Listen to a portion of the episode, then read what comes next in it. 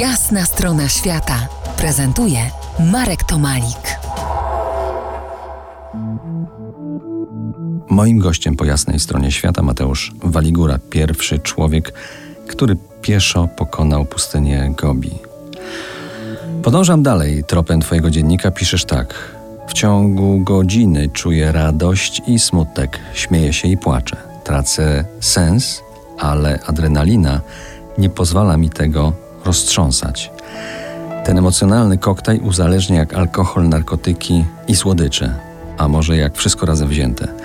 Mateusz, powiedz skąd te skoki nastrojów w tak spokojnym miejscu, jakim jest pustynia?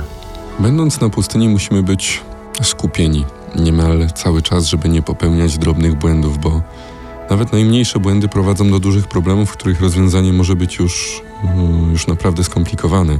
I to wyostrzenie wszystkich zmysłów mm, sprawia, że każde emocje, które przeżywamy, y, połączone z wysiłkiem fizycznym jednocześnie, są przez nas y, odczuwane w dużo większym stopniu niż, y, niż mamy do czynienia z tym na co dzień. Jesteśmy na pustyni sami, niczego nie udajemy, nie gramy żadnej roli z tych ról, które mamy do odegrania w życiu roli dziennikarza, roli ojca, męża. Kiedy jesteśmy sami na pustyni, to niczego nie udajemy. Nagle zobaczymy siebie samych, takimi jakimi jesteśmy, i to te spostrzeżenia bywają rozczarowujące. Dodatkowo ten brak bodźców, który dostarcza pustynia, sprawia, że bardzo łatwo jesteśmy w stanie przejść od płaczu związanego z wysiłkiem, ze strachem, bo, bo marsz po pustyni potrafi dostarczyć mm, bardzo długich okresów strachu. Ja się regularnie boję, mm, chodząc po pustyniach, ale jednocześnie ten strach jest przeplatany szczęściem, kiedy na przykład odnajdziesz źródło wody zdatnej do picia. To jest chyba jedno z tych, jedna z tych emocji, których ja nigdy nie będę w stanie opisać nikomu słowami.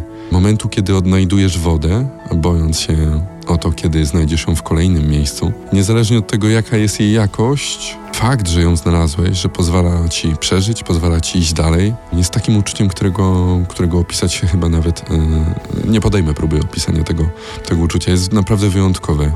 I osoby, które nigdy go nie doświadczyły, chyba nigdy tego też nie, nie zrozumieją. Podsumowując, kiedy jesteśmy tylko my, nikt nie bombarduje nas ilością informacji i jednocześnie próbuje skupić naszej uwagi, nie walczy o naszą uwagę, to nagle zdajemy sobie sprawę z tego, że jesteśmy ludźmi bardzo emocjonalnymi i uczuciowymi.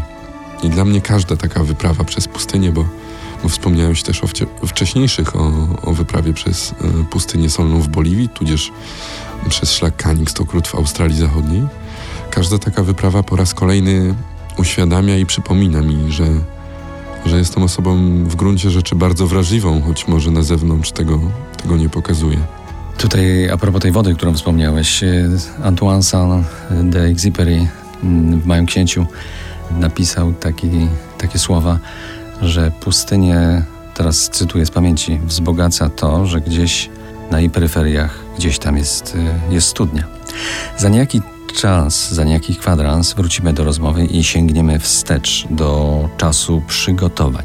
Zostańcie z nami po jasnej stronie świata w RMF Classic. To jest jasna strona świata w RMF Classic.